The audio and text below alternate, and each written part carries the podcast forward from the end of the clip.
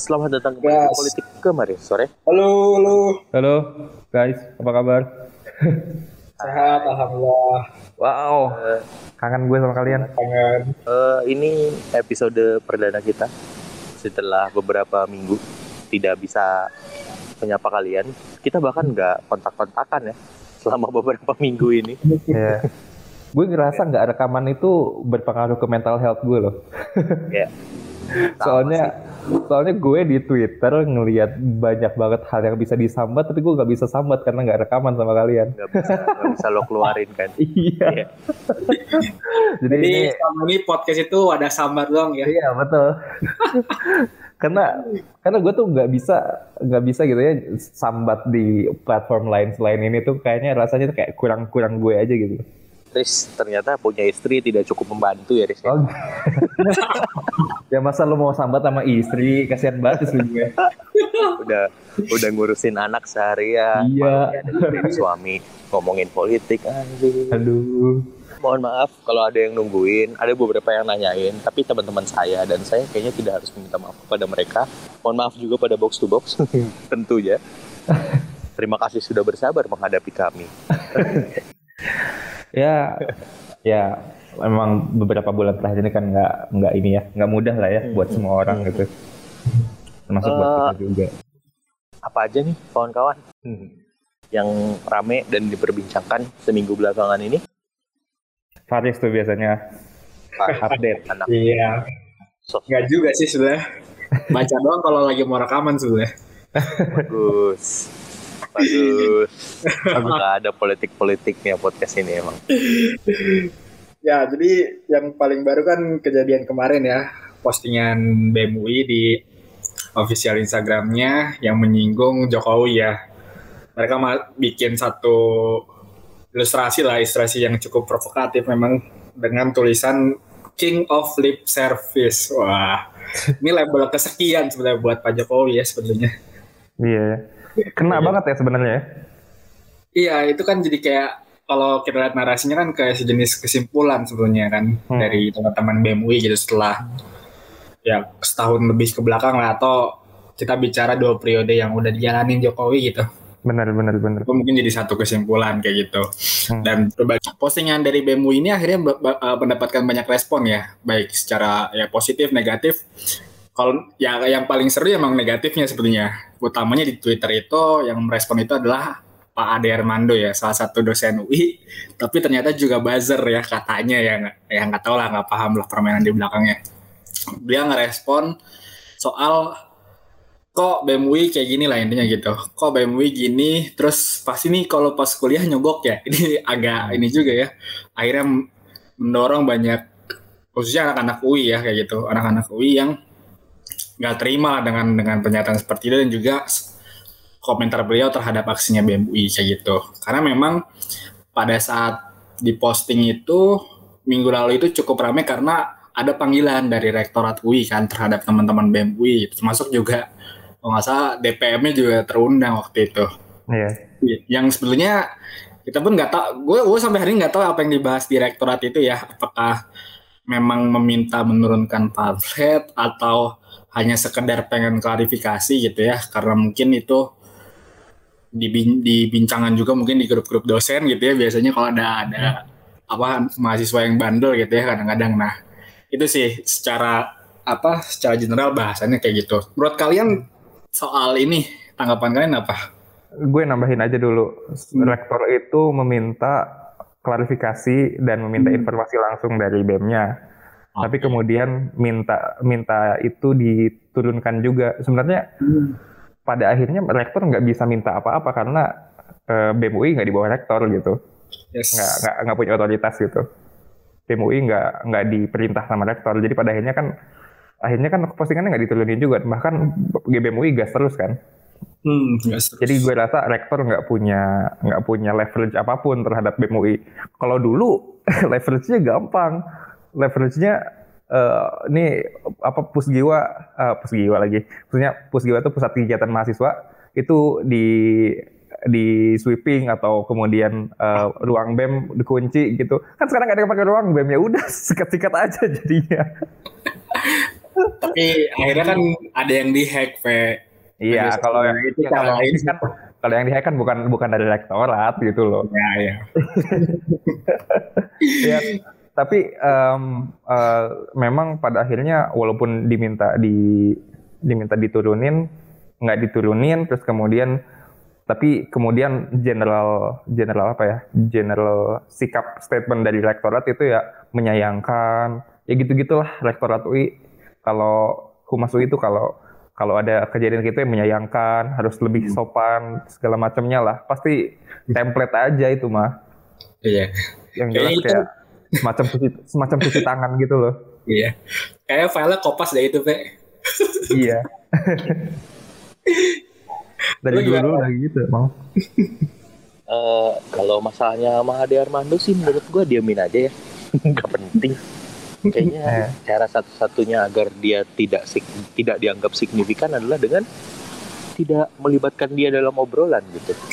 Ya udah, fokus aja ke masalahnya kalau emang ada masalah sama rektorat, Hmm. eh, rektoratnya apalagi kan rektoratnya katanya ngelanggar itu ya kayak eh, apa jabatan istilahnya kalau punya dua atau lebih Rangkap jabatan. rangkap rangkap jabatan jabatan.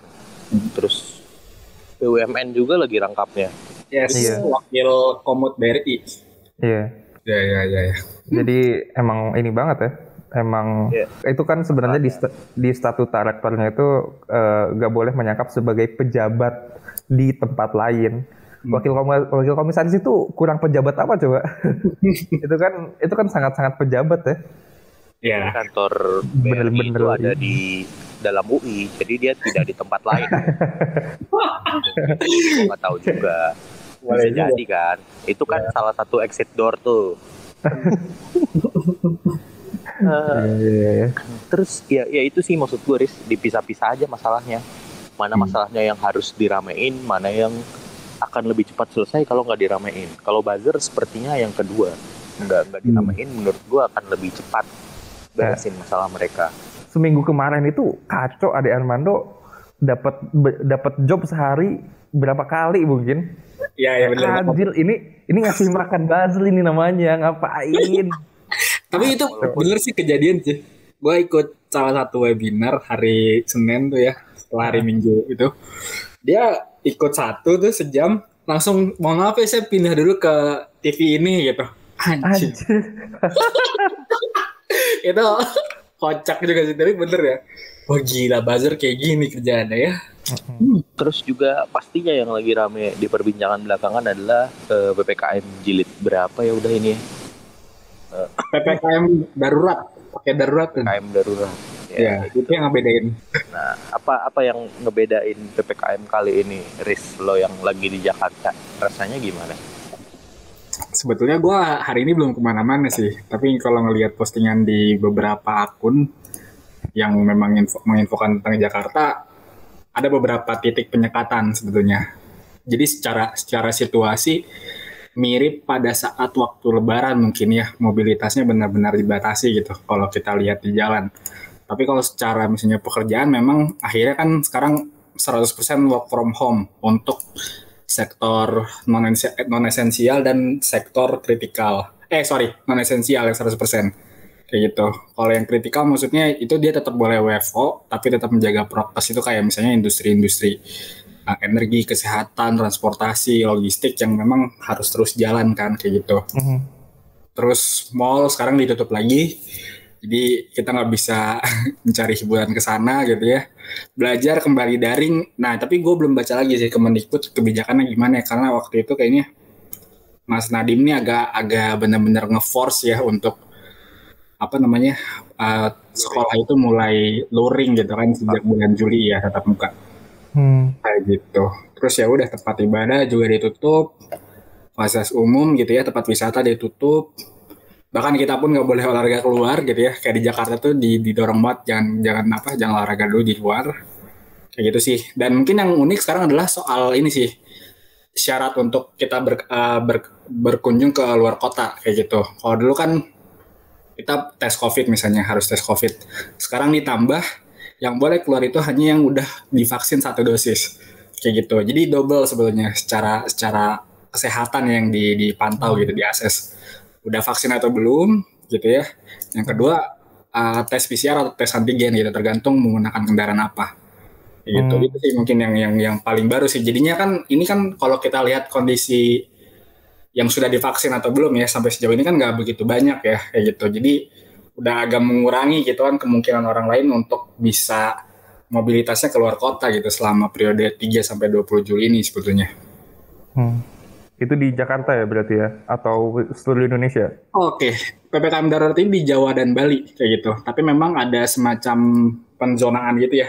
Ada yang level 4 kalau dan level 3 dan di beberapa provinsi itu berbeda. Jakarta termasuk yang di angka 4 bersama Kota Bekasi, terus Depok juga nggak salah ya kayak gitu. Hmm. Yang kejadian juga belakangan itu uh, di yeah. Twitter trending itu beer brand Iya. itu aneh ya? Panic buying Bill tuh aneh gak sih? Enggak, itu gue ngelihat ngelihatnya serem juga sih. Itu mirip banget kejadian pas awal awal COVID kan. Kayak gitu ya panik buyingnya. Cuman kan waktu itu mungkin lebih make sense ya. Kalau video-video yang viral kan emang lihatnya kan ke kebutuhan pokok gitu.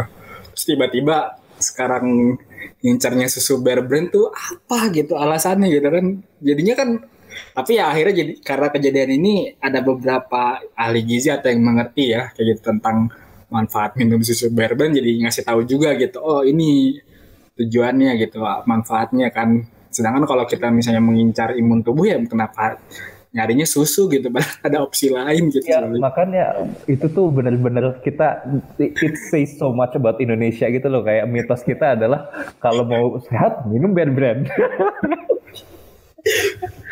Pod podcast ini tidak disponsori dan... oleh Bell Blend ya. itu mitos dan kalau yang gue alami itu hasil dari words of mouth gitu loh, Pe. Jadi yeah. awalnya nggak nyetop hmm. pas isoman tuh kanan kiri nyuruhnya bir brand udah ada, ini udah ada, kirimin ya, kirimin ya. Akhirnya hmm. tuh ada dua ini bir brand di rumah gua nggak keminum sampai sekarang. Dua dus tuh. Pusing pak. Kirim buat gua dan ongkirnya lebih mahal ris iya sih. Ya, benar benar benar benar. Menarik banget ya menarik banget ya kalau kalau dulu kalau dulu panik bayangnya masker terus kemudian sampai ada yang ini sampai ada yang ya menarik bagaimana kita itu sudah shifting shifting uh, pandemi itu buat kita itu benar-benar shifting dulu masker terus kemudian sekarang Bear Brand dan dua-duanya itu dari misinformasi gitu loh. Ya lanjut dan. dan maksudnya kelangkaan ini kan bukan cuma Bear Brand ya ujungnya, terjadi hmm. juga di kayaknya Jabodetabek deh.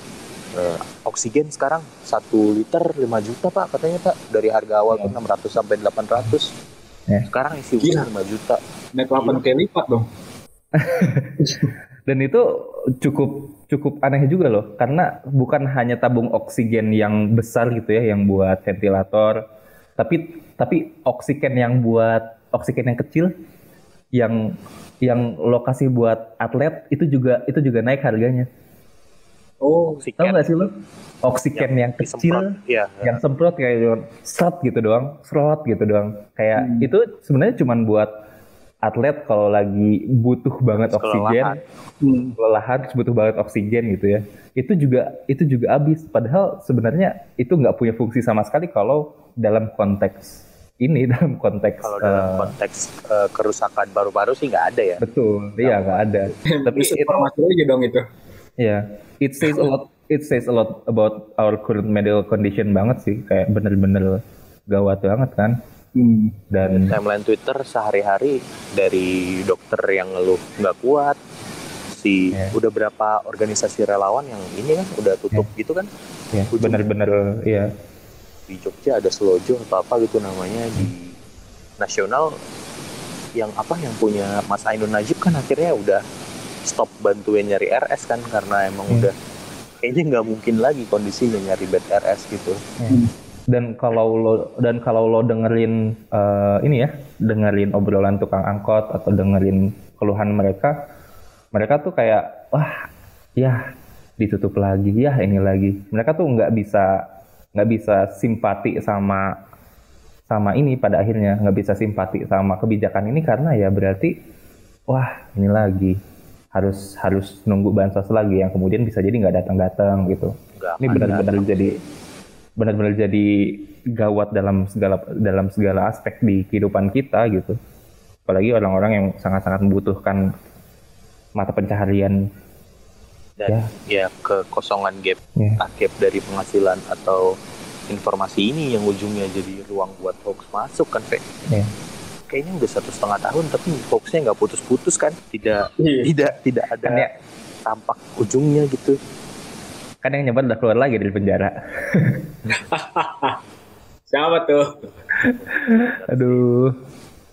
itu lucu maksudnya hoax yang kayak gitu nggak apa-apa karena eh, bisa dibedain gak sih tapi ada pendukungnya juga berarti ada Enggak yang sih. bisa ngebedain juga ya. namanya menurut gue namanya hoax tuh ya pasti em, pasti akan ada yang jatuh jadi memang hoax itu gue gue belum punya gue belum punya posisi dalam belum punya posisi dalam untuk menangkal hoax ini apakah apakah harus di apa ya apakah harus dilawan dengan informasi juga atau harus dilawan dengan eh, force ya dengan dengan penegakan hukum. Tapi ya pasti selalu ada orang-orang yang mungkin mungkin mungkin sebenarnya nggak ini ya nggak nggak kelihatan kalau mereka itu bodoh atau mereka itu em, bisa ditipu gitu. Tapi ya tetap aja pada akhirnya yang yang kena hoax itu bukan orang-orang bukan orang-orang yang nggak pinter gitu pada akhirnya. Menurut gua hoax ini bisa kena, si bisa kena ini semuanya aja. jadi bukti langsung omongan lo sih Fe. Kalau lawannya dengan penegakan hukum nggak ada Ah. hasilnya. Karena setelah dia masuk juga tidak ada yang berubah kan? Semakin lucu lagi premisnya. Jadi bisa bisa disimpulkan kalau dia di dalam itu ya seperti mendapat ruang untuk berimajinasi lebih aja gitu kayak kayak nggak ada nggak ada perubahan yang terjadi Ya di di satu sisi kan sebenarnya ketika dia masuk ke sel itu akunnya nggak ada akun beli akun beli ini akun beli ini kan nonaktif. Jadi hoax dari dia berhenti, tapi bukan berarti hoax yang berhenti gitu ya.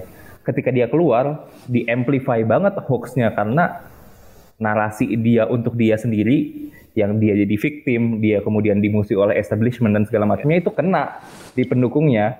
Jadi pada akhirnya untuk kasus beli ini nggak nggak ada solusi nggak ada solusi yang jelas sebenarnya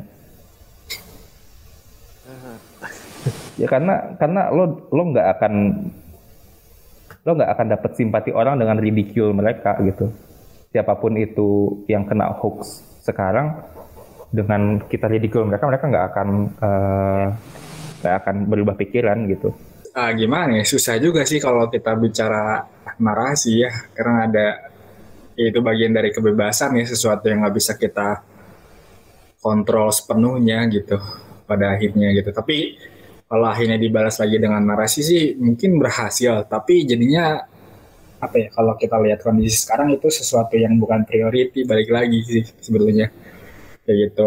Biar eh, apa ya?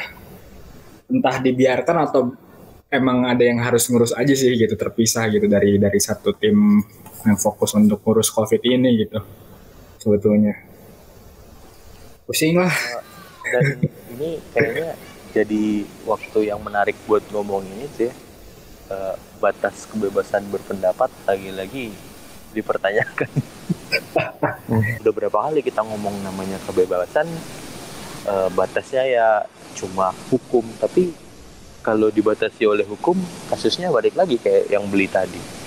Gue juga nggak tahu ini akhir podcast ini mau dibikin kayak gimana teman-teman. Maklum ya sudah satu bulan tidak rekaman. Jadi ya kita potong kasar aja gimana kawan-kawan. Sampai sampai di sini saja episode kali ini. Ya. Eh, terima kasih Ave. Terima kasih Faris. Sampai thank you, ketemu lagi di episode episode selanjutnya. Amin